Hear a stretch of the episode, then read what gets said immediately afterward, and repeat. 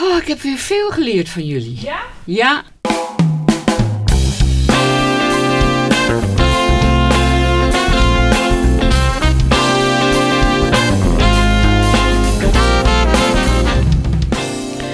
Welkom bij Trace, de plek voor je onderzoeksverhalen.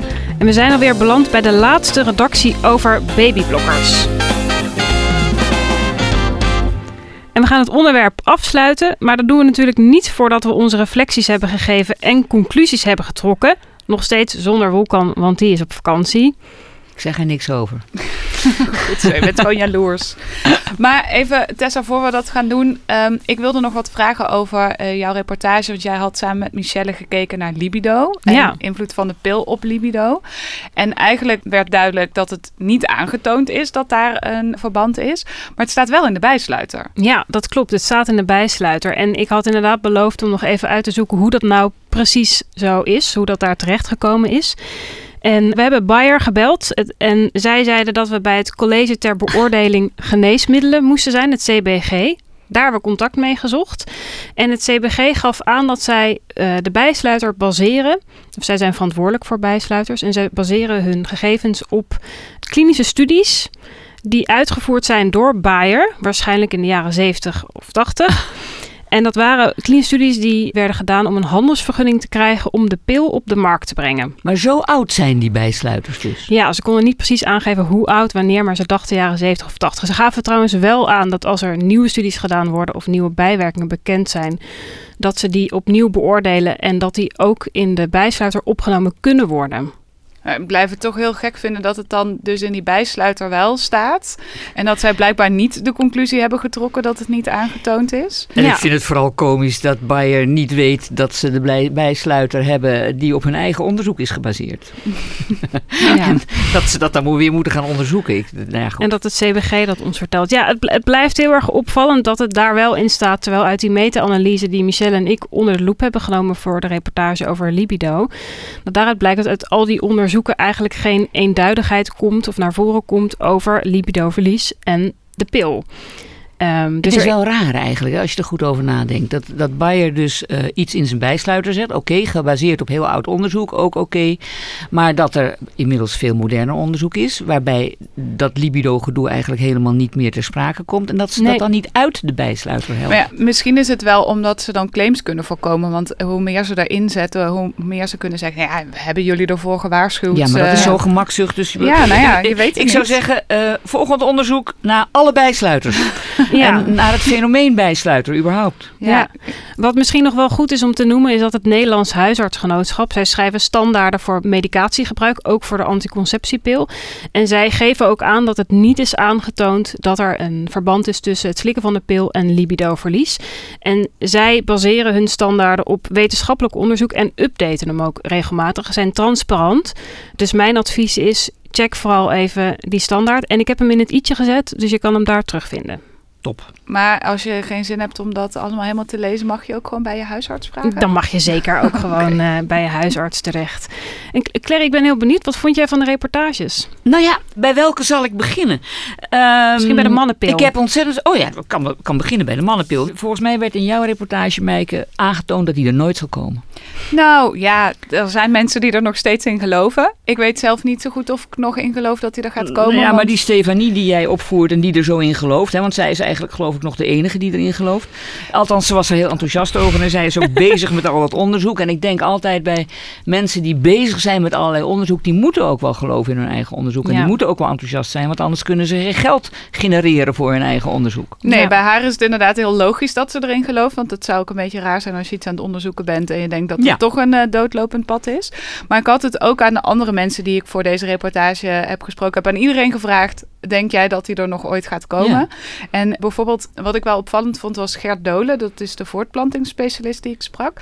Die gelooft nog steeds dat hij er komt. Alleen hij denkt dat het een, een niet-hormonale variant wordt. Want ik heb het nu vooral gehad over hormonale anticonceptie voor mannen. Dus vooral met testosteron. Ja, en dat is ingewikkeld omdat die twee eh, Ja. verschillende Ja, dingen en moeten worden misschien ook wel wat ik me afvroeg: van ja, zitten mannen er dadelijk wel op te wachten? Want eh, we merken bij vrouwen al dat ze steeds meer eh, niet die zooi in hun lichaam willen en dat, je, dat mensen wat banger worden voor hormonen. Een soort van vooruitlopend. even over hebben trouwens. Maar goed, laten we het eerst hebben uh, dit even afmaken. Ja, want wat die Gert Dolen dus zei is, er kunnen ook niet-hormonale middelen komen. Bijvoorbeeld, het blijkt zo dat er in zaadcellen bepaalde eiwitten zitten die alleen in zaadcellen, nergens anders in het mannelijk lichaam voorkomen.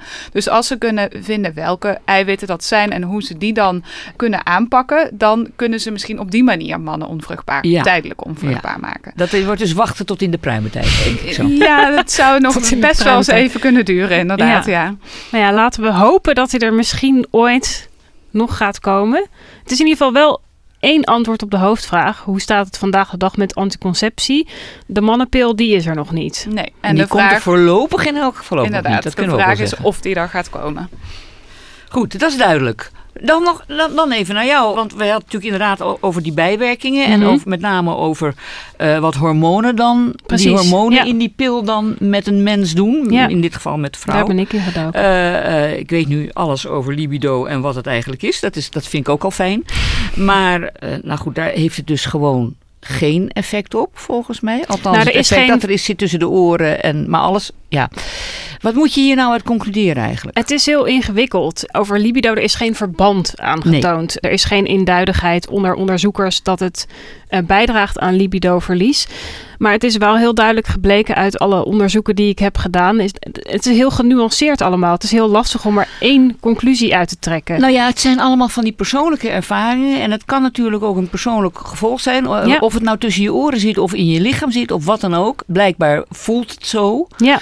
En dan zou ik zeggen, luister naar je lichaam, ga naar je dokter en vraag, kunnen we er iets aan doen? Ik bedoel, dat lijkt me niet zo moeilijk. Ja, en er is in ieder geval wel wat heel duidelijk te zien is, is dat er een, een afname is in het pilgebruik. We hebben tussen de afgelopen drie jaar is het met 8,5% gedaald. Dus eh, het lijkt wel dat dat soort vragen over hormonen en is het nou wel of niet slecht voor je, dat dat daar mee te maken heeft. Maar het is lastig om nou te zeggen dat het echt de reden is dat daarom de pil steeds minder Ja, nou is de afname van uh, libido natuurlijk nog van een andere orde als probleem, uh, als ik zo vrij mag zijn. Tenminste, mm dat vind ik dan zelf. Het is ook heel persoonlijk misschien dan eventueel of je er kanker van krijgt. Ja. Dat was je andere uh, reportage. Als ik de cijfers allemaal... waren veel cijfers. Het waren veel cijfers, veel dat cijfers. Klopt, ja. Maar eigenlijk is de verhoogde kans op kanker iets groter of bijna gelijk aan nul. Het is heel klein. Zo zeggen? Al, ik bedoel, in het begin denken we van 24% tot 38%. Ja. Dat is heel veel, maar 24% van bijna nul is ook bijna nul. Precies, daar gaat het over. Wat ik wel tegenkwam, ook in artikelen online, is is dat percentage 24% En dat klinkt gewoon best wel heftig. Ja, maar, daarom. Maar het wordt toch ook anders als je ouder wordt? Dan worden de risico's wel vanaf de ja, 35 dat vond ik, dat vond ik inderdaad. Dat je na je 35ste toch eventjes... Uh, langs de huisarts langs moet de huisarts moet om te kijken. Ja. ja, je basisrisico wordt dan hoger. Dus dan, en, en maar de pil moet nog even is het heel klein. Dan nog is het op dat moment heel klein. Ik had wel heel erg... Er overviel mij iets toen ik jouw reportage hoorde van... Ja, van leven ga je ook dood. En daarmee houden we niet op met leven. Deze kansen zijn zo klein dat uiteindelijk het niet zo, niet zo heel veel meer kans op kanker geeft dan al die andere dingen die we ook in het leven doen. Ik zeg roken, ik zeg drinken, ik zeg um, gewoon fijnstof inademen waar we niks aan kunnen doen. Met andere woorden, eh, dat zijn allemaal dingen die veel grotere kans op kanker veroorzaken dan het gebruik van de pil. Dus ik zou zeggen, ga door maar dat is ook precies de reden dat de pil nog steeds gewoon veel voorgeschreven wordt. Omdat er ook hele grote voordelen aan zitten. Het is niet alleen maar negatief. En uh, de bijwerkingen die er zijn, dat zijn maar kleine percentages. Als het gaat over borstkanker bijvoorbeeld. Ja. Dan is het maar een heel klein percentage. Alleen de negatieve verhalen, die zijn wel heel veelvuldig. En dat, dat heeft natuurlijk ook wel misschien te maken met internet. we zien natuurlijk heel veel negatieve verhalen en heel veel ja, weerstand tegen allerlei medische toepassingen. Op internet ook zeker. Ja, want eh, je hoorde al heel vaak bij jou, Tessa, die vlogs voorbij komen van mensen die van alles maar claimen en beweren zonder dat ze zich volgens mij echt in verdiept hebben. Nou maar dat is inherent aan internet, wil ik maar zeggen. Je kunt natuurlijk bij alles wat je vindt, kun je iets vinden op internet dat ondersteunt wat jij vindt. Nou, precies. Laten we het voorbeeld van libido-verlies nemen, waar we ingedoken zijn. Er zijn onderzoeken waaruit gebleken is, die ook meegenomen zijn in die meta-analyse, dat er een verband is tussen het slikken van de pil en libido-verlies. Maar daar waren waren ook onderzoeken die aantonen dat je juist een verhoogd libido had.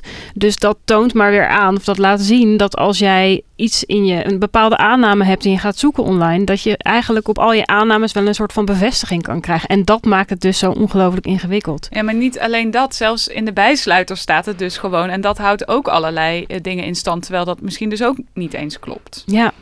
Dus dat, ja, het ma- maakt het zo moeilijk allemaal om goed te begrijpen Ja. hoe het nou echt zit. Maar goed, wat wij tot nu toe als conclusie kunnen trekken, denk ik, maar zeg maar als het niet zo is, is dat ons onderzoek uit heeft gewezen dat al die indianenverhalen, zeg ik nu even in mijn eigen woorden, over eh, de pil, maar heel weinig grond hebben eigenlijk.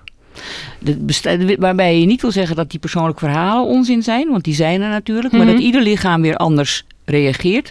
Dat je naar dat lichaam moet luisteren en dat je dan moet bespreken met je dokter wat je eraan komt doen. Maar dat het niet zo is dat in het algemeen dat je kunt zeggen de pil veroorzaakt die en die negatieve dingen. Nou ja, het ligt in ieder geval veel genuanceerder.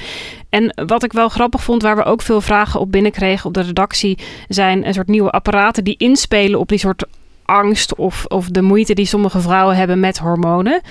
En dat zijn apparaten waarbij je dus elke ochtend op een vast tijdstip je temperatuur moet opmeten. Weet je dat nou? Oh, Dat sorry. meen ik. Nee, ik moet daarover lachen, omdat dat is ongeveer een van de oudste methodes om te voor- voorkomen dat je zwanger wordt, is je temperatuur opnemen. Daar hebben ze nu apparaten voor. Hoe kosten die? Eh, Die zijn een paar honderd euro geloof Ach, wat leuk. Een thermometer kost hm, 1,20? Nou, ik denk inmiddels wel iets duurder, Clary. Maar Ja, nou ja, oké. Maar goed. Om- wel in ieder geval veel goedkoper. Maar die apparaten die claimen veel betrouwbaarder te zijn dan die temperatuurmethode. Want de- die is niet altijd even betrouwbaar. De, Dit is toch ook een temperatuurmethode? Ja, maar ze hebben een algoritme gebouwd die je cyclus leert kennen.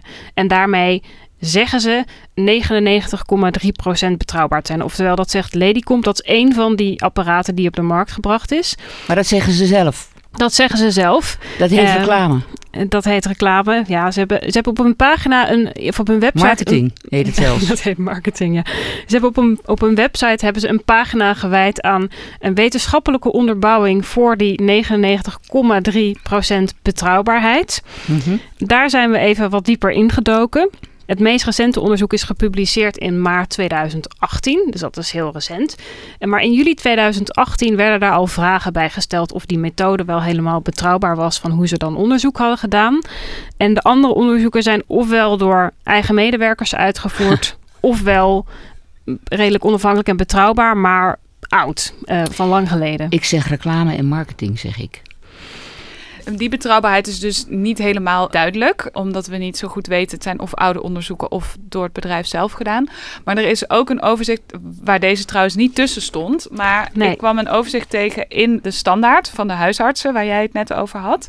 Gebaseerd op Amerikaans onderzoek, waarin het gaat over betrouwbaarheid van verschillende anticonceptiemethoden. Ja. En ze maken dan onderscheid tussen perfect gebruik en normaal gebruik. Daar staat ook de Ja. pil bij? Of, Daar of- staat ook de pil bij. Over dat perfecte gebruik trouwens, dat apparaat waar ik het net over had, die had het over perfect gebruik, de 99,3% betrouwbaarheid.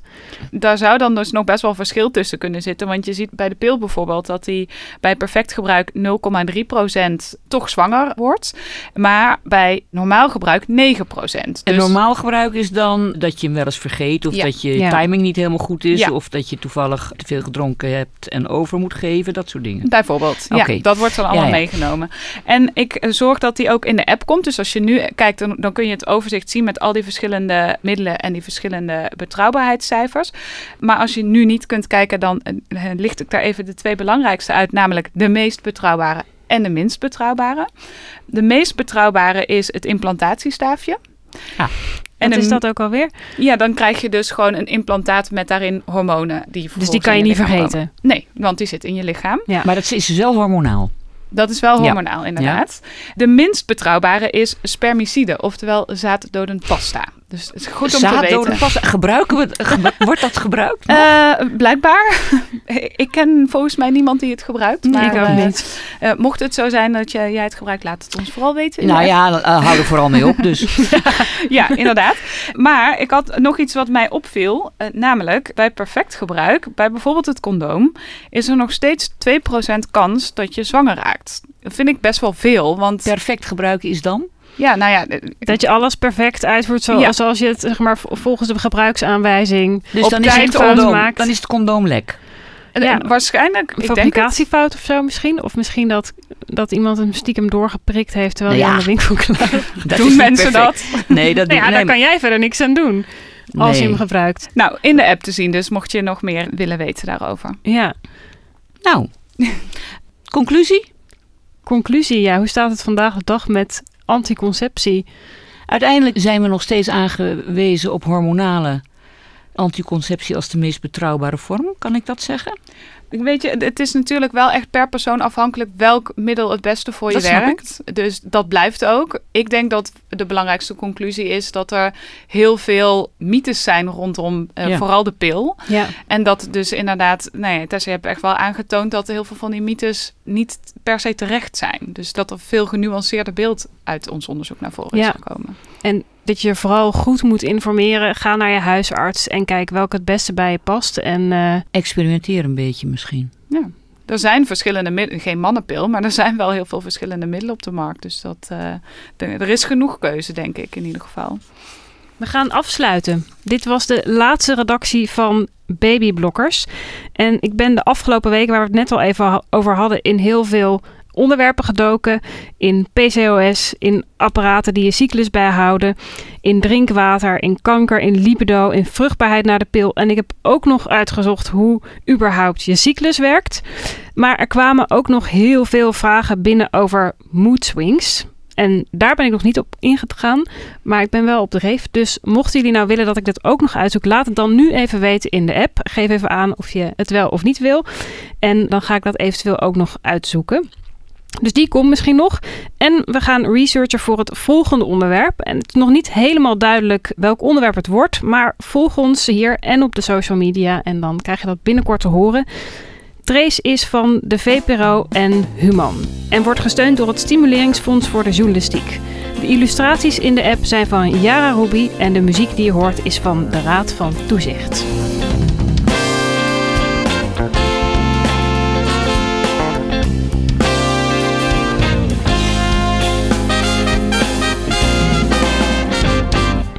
En de shout-out deze week gaat naar GEB, oftewel Geert-Jan Bogaerts, ons opperhoofd en onze onvermoeibare strijder buiten de muren van de villa.